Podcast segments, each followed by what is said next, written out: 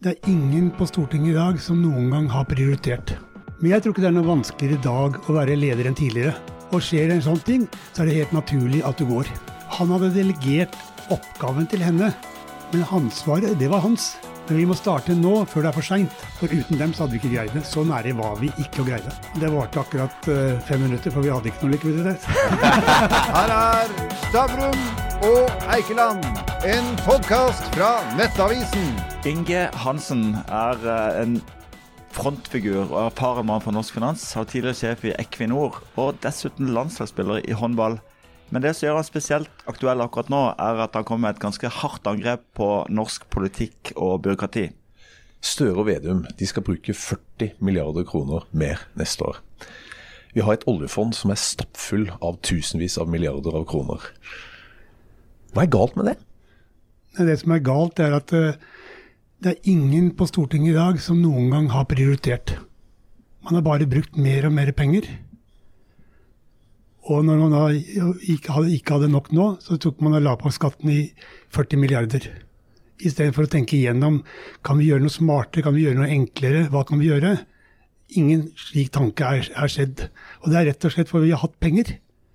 Og ingen har noen gang måttet prioritere. Det må vi gjøre fremover. Det går ikke. Det er ingen land som vi har sammenlignet med, som har flere i offentlig sektor enn vi har. Det betyr at de som da skal fremover skal eh, betale for eh, sosiale goder og sånn, de blir færre og færre. Og det er ikke mulig. Du har jo vært eh, som sagt leder i Equinor. Du var en lenge leder på det som var Orkla Finans en gang. Du er nå styreleder i, i, i Troms Kraft. Du har, du har stått på mange viktige stillinger. La oss si du var statsminister i morgen. Hva hadde du gjort? Da hadde jeg gått inn og så hadde jeg sagt stilt krav. Jeg har jo foreslått at man skal redusere staber og byråkrati med 25 over de neste årene. Det tror jeg ikke er noe vanskelig. Fordi å la ledelsen i det offentlige få lov til å lede For det de gjør med store staber og byråkrati, det er at du skaper usikkerhet om ansvar og, og roller. Og stabene skal være små, faglig dyktige. De skal understøtte ledelsen, men de skal ikke lede. Det er den største feilen. Men, men, men, det har jo blitt mye vanskeligere nå enn det var for 20-30 år siden, det å, å, være i politikken. Altså, nå er det jo sosiale medier all over the place. Du stilles til ansvar hele tiden fra syd, nord, øst, vest. Altså, må man ikke ha mange flere rådgivere nå, og flere som jobber rundt politikeren for at de skal klare seg? Nei, jeg tror det er helt feil. Det er samme som en leder. En leder er leder. Og da er det, det er både positive, men også eh, negative ting med å være leder. Du må, ta, du må ta vanskelige avgjørelser. Men jeg tror ikke det er noe vanskeligere i dag å være leder enn tidligere. Det tror jeg ikke. Dere merker, Vi jobber jo med yngre ledere i dag. Og det du merker på dem, på mange måter, det er deres tidsklemme er noe annerledes enn den vi hadde. Det var det andre. Og så bruker man for lite tid på seg selv som leder. Skal du være en god leder, så må du også ha tid til deg selv. La oss begynne på toppen. Um, Jonas Gahr Støre. Både hans lederevner og det faktum at han har en stab på hva er det for noe, 55 personer ja, sånt. Ja. Hva sier de to tingene deg?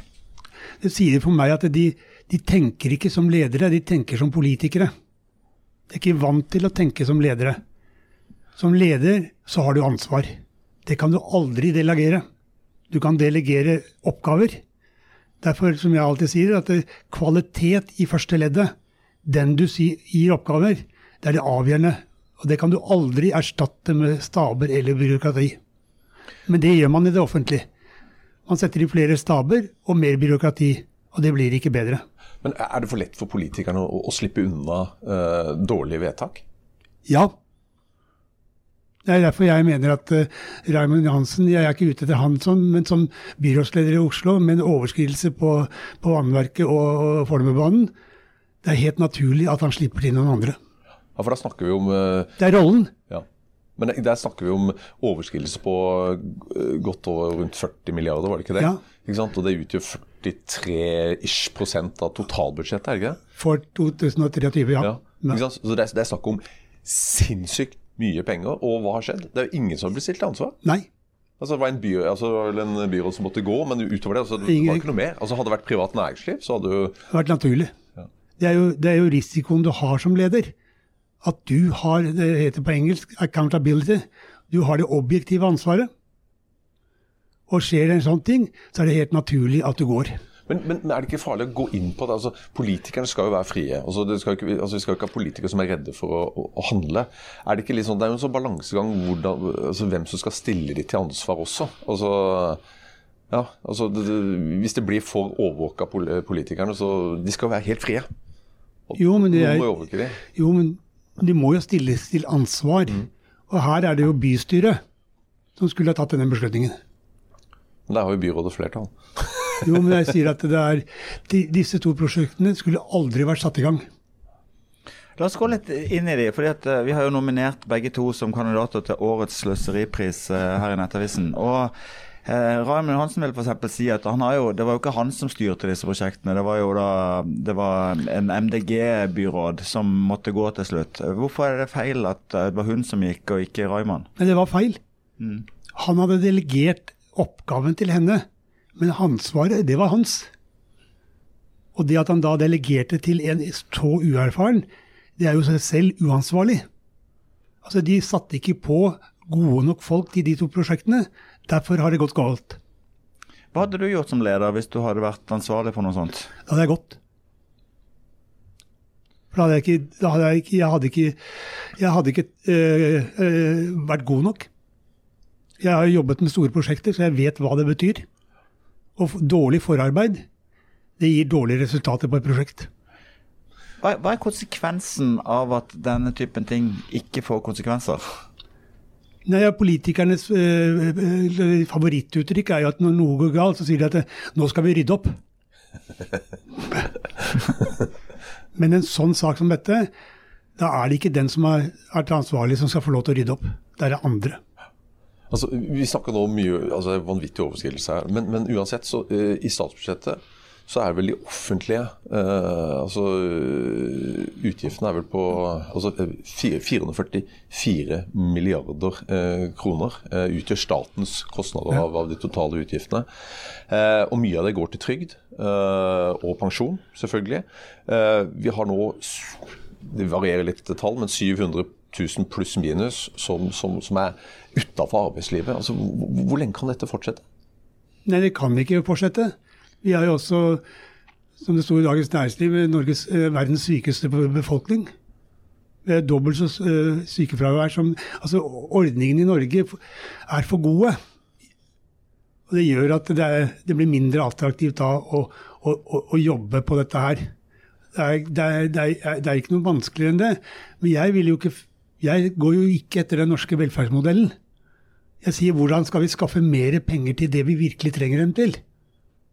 Og da syns jeg det er veldig enkelt å si gjør noe med staber og byråkrati. Men klarer vi å gjøre disse ordningene mer treffsikre? Altså, for det er jo litt av eh, problemet. Ja, de er gode, men, er, men for de som virkelig trenger det, så er det jo der de bør være. Så er det da de som da kanskje utnytter systemet, eller som OK, hopper på fordi det er så enkelt å, å, å få disse stønadene. Altså, klarer vi å effektivisere de nok til at, uh, at vi får flere ut i arbeidslivet, og fortsatt ta vare på de svakeste som virkelig trenger det? Ja, jeg tror det. Jeg tror det nettopp fordi fremover så vil vi måtte prioritere. Men så langt så har vi ikke måttet prioritere. Jeg bare pøser på med nye penger. Men når du må prioritere, da blir du mer målrettet. Så ja, jeg tror du greier det. Men vi må starte nå, før det er for seint. Men da kan jeg framføre motpartens argument, som er at eh, jo, men disse eh, havbruksmilliardærene og disse kraftselskapene de har jaggu råd til å delta i det norske spleiselaget, så hva er galt med at de skal skatte de litt hardere? Men jeg er, jeg er bare overrasket av dette med, med grunnrenten på havbruk ikke har kommet før, jeg. Ja. Men jeg syns den måten man gjorde det på nå, er helt uforutsigbart. Det vitner om veldig dårlig arbeid med det. Tidligere så har man jo innført nye skatter, da har det vært grundig gjennomarbeidet. og sånt nå. Men ennå så vet man jo ikke helt hvordan man skal tolke disse her. Så ja, verken milliardærer Jeg, ikke, jeg har ikke noe, noe syns ikke synd på dem. Og jeg syns grunnrenten på havbruk er riktig, ja. Men ikke måten det blir gjort på. Det, det vitner om et utrolig hastverksarbeid. Ennå vet man jo ikke om, om vilkårene. Da har jeg lyst til å stille et oppfølgingsspørsmål. for det, Som sagt så var du jo sjef i Orkla Finans i mange år. Og du har nær tilknytning til både norske og utenlandske investorer. Hvordan, hvordan, vil, hvordan tar investormiljøet den typen skatteendringer som da skjer så raskt og u, uforberedt? Nei, Sånn som det blir nå, så blir det rabatt på norske aksjer. For det har vært veldig politisk stabilt i Norge over mange år. Da jeg var i Statoil og tok Statoil på børs, når Enron skjedde, så tok man vekk rabatten på, på Statoil, for de sa dette kommer aldri til å skje i Norge. Men denne uforutsigbarheten nå gjør at uh, utenlandske aksjonærer setter rabatt på norske. Og vi må huske på at bortsett fra Equinor, så trenger ikke utlendinger norske aksjer.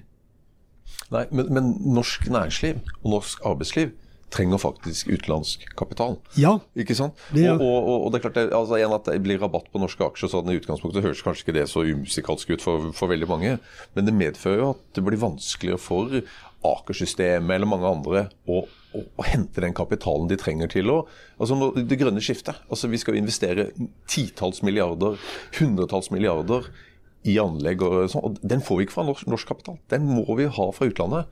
Og den kommer kanskje ikke nå? Du må, du må få det fra Kapitalmarkedet må være i førersetet. Det er ingen tvil om. Dette er ikke staten som Det er uh, investorer, kapitalister, som skal ta risikoen i dette her, ja. Men det har ikke skjedd noe når det gjelder ny energi de siste tre årene i Norge. Og hvorfor ikke? Vi har ikke noe lokomotiv i Norge. Danmark har Ørsted, Vestas. Sverige har de lange industriene. Vi har ikke den Og med denne oljepakken så gjør at leverandørindustrien har ikke noe insentiv. De er godt dekket med prosjekter de neste fem årene. Så vi trenger egentlig et lokomotiv. Og det har jeg ikke sett ennå. Mitt forslag har jo vært at du legger fornybar i, stat, i Equinor inn i Statkraft. Og lar det bli eh, den norske motoren. Det tror jeg har fungert veldig bra.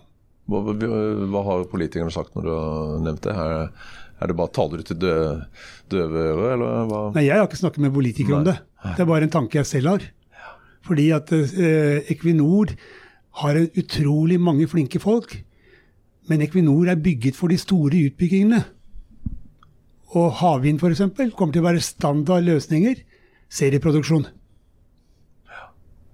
Men du trenger også de innovative, og det har vi faktisk mye av i Norge. Altså de små, mindre innovative selskapene innenfor ja, alt fra ja, batteri til uh, ja, Energy from Waste og alt. ikke sant? Så, så, det har vi jo. Så vi mangler bare lokomotivet. det er det du mener? Jeg mener du mangler lokomotivet. Den som virkelig skal gå foran.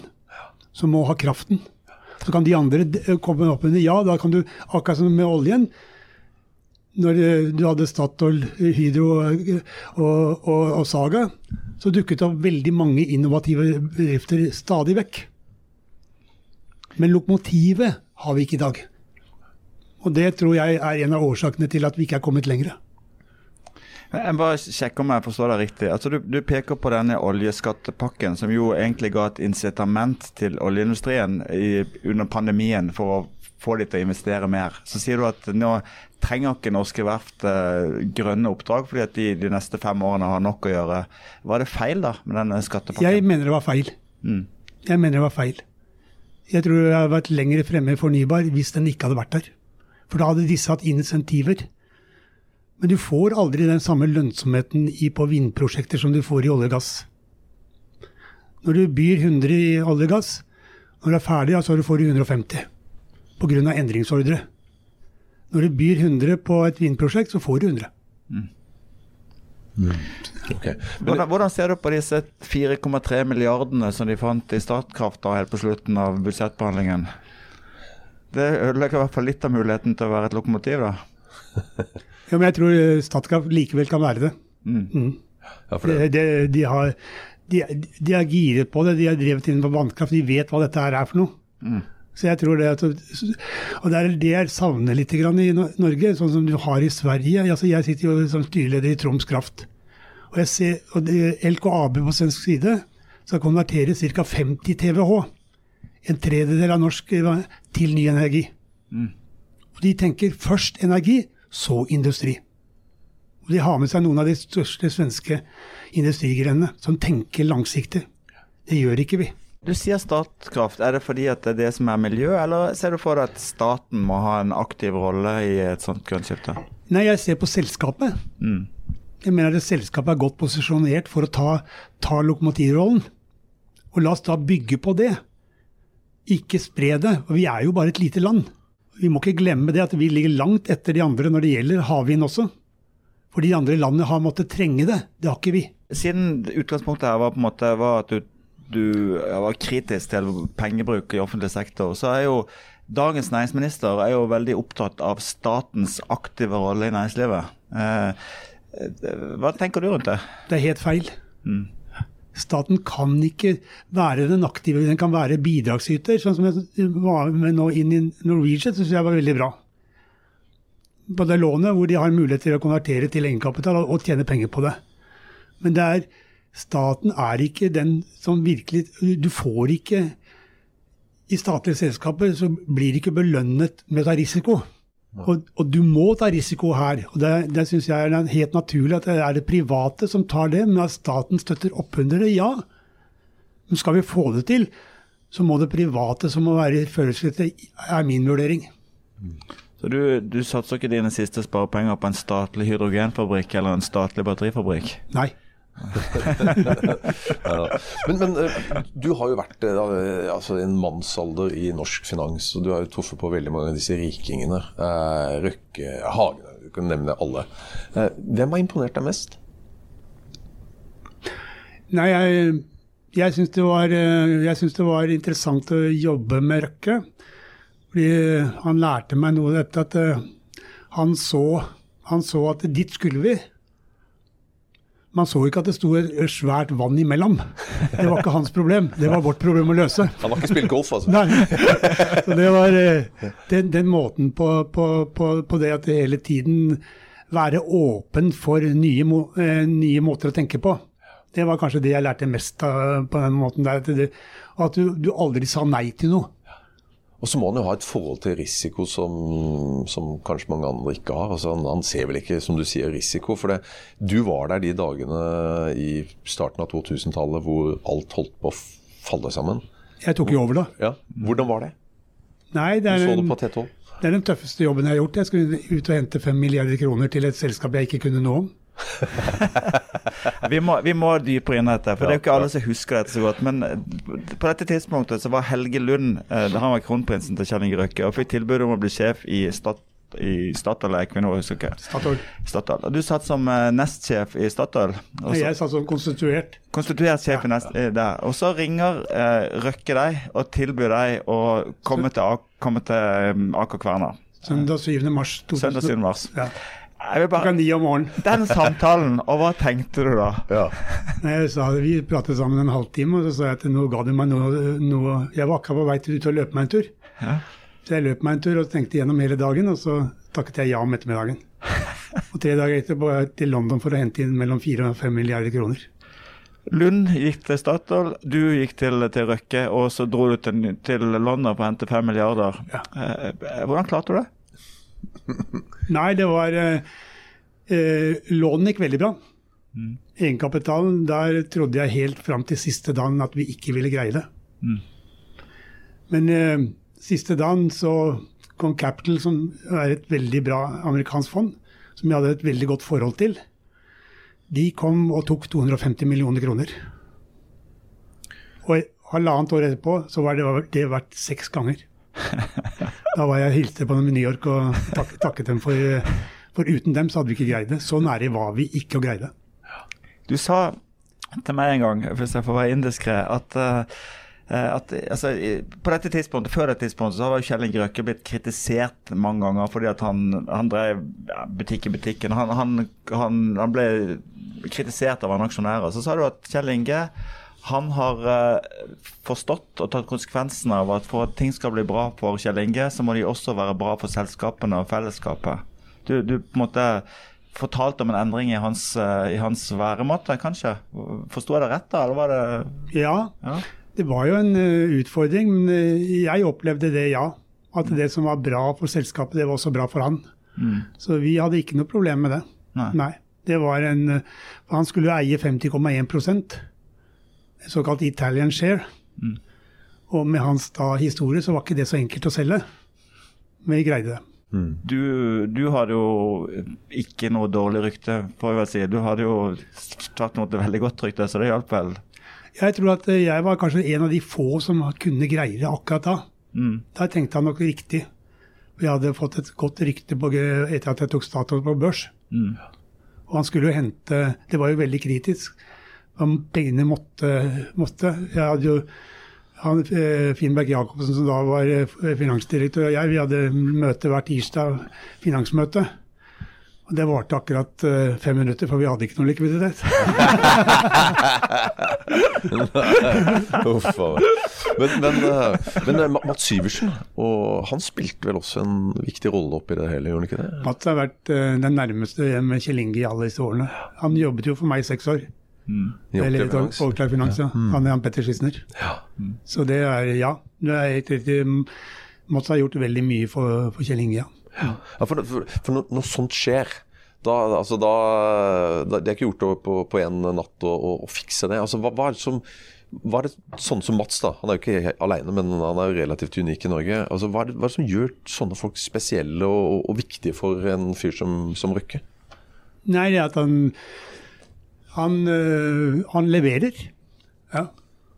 Han leverer. Det er vel det, det du kan si. Han forstår det. Han lever. Han har et veldig Mats har en veldig, veldig god kundekontakt. Ja. Så det, og det, er jo sånn innen finans at du bidrar. Så da blir, det også, da blir de også disse med på, som du kjenner til også, til de som er litt mer krevende. Det er jo sånn det er, det. Jeg tror vi må for lyttere som ikke nødvendigvis er inside i finans, så må vi eh, introdusere Mats Syversen litt. Han, var- han jobba i Orkla Finans. Ja. Han har vært sjef og oppbyggende av Arctic Securities og har hatt, gjort veldig mange av de virkelig store dealene i norsk, norsk næringsliv. Eh, Ja, og, og vært Røkkes finansmann siden begynnelsen av 90-tallet, når han kom hjem fra Seattle. Liksom. Nei, fremdeles aktiv, men han var aldri så god i håndball som det du var. Nei. Men han var litt sånn på ledernivå på i Nordstrand, var ikke det? Han Eller? har investert i Nordstrand. det går. Men, men ok, finans. ikke sant? Altså Nå har vi snakka om Mats og mange av disse seriøse finansfolka. Men finansbransjen generelt sett har jo et relativt dårlig rykte blant, blant folk. Altså, hva, hva skyldes det, tror du? Det er ikke så veldig vanskelig å forstå, fordi det er jo eh, Nærmere honningkrukka finnes jo ikke mulig til å være. Det er jo det at det er, er mye mystifisering rundt det også. Og så har det jo vært en del uheldige episoder med finans. Det er, derfor er det jo veldig avhengig av et sterkt eh, finanstilsyn. Det er, eh, det er forutsetning for at du ser når, når det går galt, så går det veldig galt. Sånn som en, en del andre også. Bankene har gått osv. Så, videre. så altså i dag så er dette, er, dette som du kaller compliance, dette er etterlevelse, det er license to operate. Og det er en mye mer fokus på det enn det har vært noen gang. Fordi vi vet at eh, finans er ikke noe Det er liksom ikke de som blir stått og applaudert for. De, de greier seg selv. Men, men, men, men har de rykte på seg at det er mye champagne, mye uh, ut på byen og mye, mye kødd, ikke sant? Men, men jeg jobba jo i Pareto mange år, og altså, det var nesten aldri noen som var fyllesyke på jobb. Altså, det var jo Nei. hard work eh, 24-7. Altså, ja, altså, er det ikke litt urettferdig òg? Altså, ja, det, mange tjente jo gode penger der, men, men Jeg kjenner meg ikke igjen i, nærheten av det som fremkommer i Exit, f.eks. Det er for meg helt eh, Jeg har aldri, aldri opplevd Det er hardt arbeidende, ja. Veldig hardt arbeidende. Og sånn er det, fordi det er jo bonusdrevet. Og det er jo det som teller. Så det er det på mange måter. Men du, er, du får ikke til noe uten kapitalmarkedet. Et fungerende kapitalmarked er absolutt nødvendig, også for å få til det grønne skiftet. Det er de som, må, det er de som skaffer pengene. Du så det i fjor. Da kom jo bare du hadde grønn, så fikk du penger. Nå er det mye mer realisme i det grønne skiftet. Heldigvis. Ja.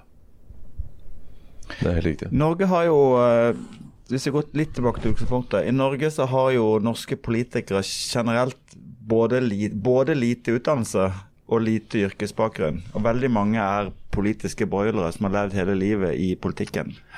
Eh, og de vil si at du må kunne politikk for å drive med politikk. Hva tenker du om det? Nei, jeg, når jeg da gikk ut nå, så var det på jeg at vi i næringslivet må være mye flinkere til å være med i den offentlige debatten. Slik at vi forstår politikerne, og politikerne forstår oss mer. Sånn som det er nå, så er det veldig lite forståelse for næringslivet i det politiske. Og Der har vi et betydelig ansvar, for vi har ikke deltatt. Derfor har jeg uh, gått ut. Fordi jeg mener at vi må være med. Hvis ikke så setter politikerne rammevilkårene uten at vi er med, og da må vi bare akseptere dem. Og jeg har hatt mye, Da jeg var i, i Statoil og jobbet med Olje- og energidepartementet, jeg, jeg, hadde veldig mye glede av å jobbe med dem. Jeg. For de stolte på meg, og jeg stolte på dem. Og Byråkratiet der er jo kompetent. Veldig, veldig kompetent. Men vi hadde to regler. Det ene var at uh, vi skrev ikke referat. Og det andre er at ingen av oss brukte det mot oss, mot hverandre. Nei. men byråkratiet eh, er kompetent, men det er jo ikke sikkert at statsråden er kompetent alltid. Nei, og Der var dere inne på det som dere begynte litt med dette med, med som er et uh, voksende problem, dette med sosiale medier. At statsrådene altså, Tidligere så var det sånn at byråkratiet beskyttet jo statsrådene. Men nå går de ut mye tidligere og, og uttaler seg, og uten å ha kunnskap. Og Jeg mener at de går ut for tidlig. Og det, det gjør at byråkratiet da får ikke anledning til å, å beskytte dem. For har du først uttalt deg, så er det det som betyr noe. Eh, dette er ganske harde angrepet du har på retningen vi tar nå. Vil du tro at det er delt av, eh, av dine kollegaer, tidligere lederkollegaer i, i norsk næringsliv? Jeg har vært veldig bevisst på at dette er mine meninger. Jeg har ikke konsultert noe før jeg skrev dette her. Så vi har diskutert det litt etterpå. at Denne debatten bør foregå. Det er det som jeg har fått tilbakemelding på. Men nemlig dette med at, vi, at, det offentlige nå også må begynne å prioritere. De må begynne å bli mer effektive. Og da, gjør, og da tar du det fra staber og byråkrati, ikke fra, det, ikke fra, penger til skole, helse eller eldreomsorg. Det er for å få mer penger der.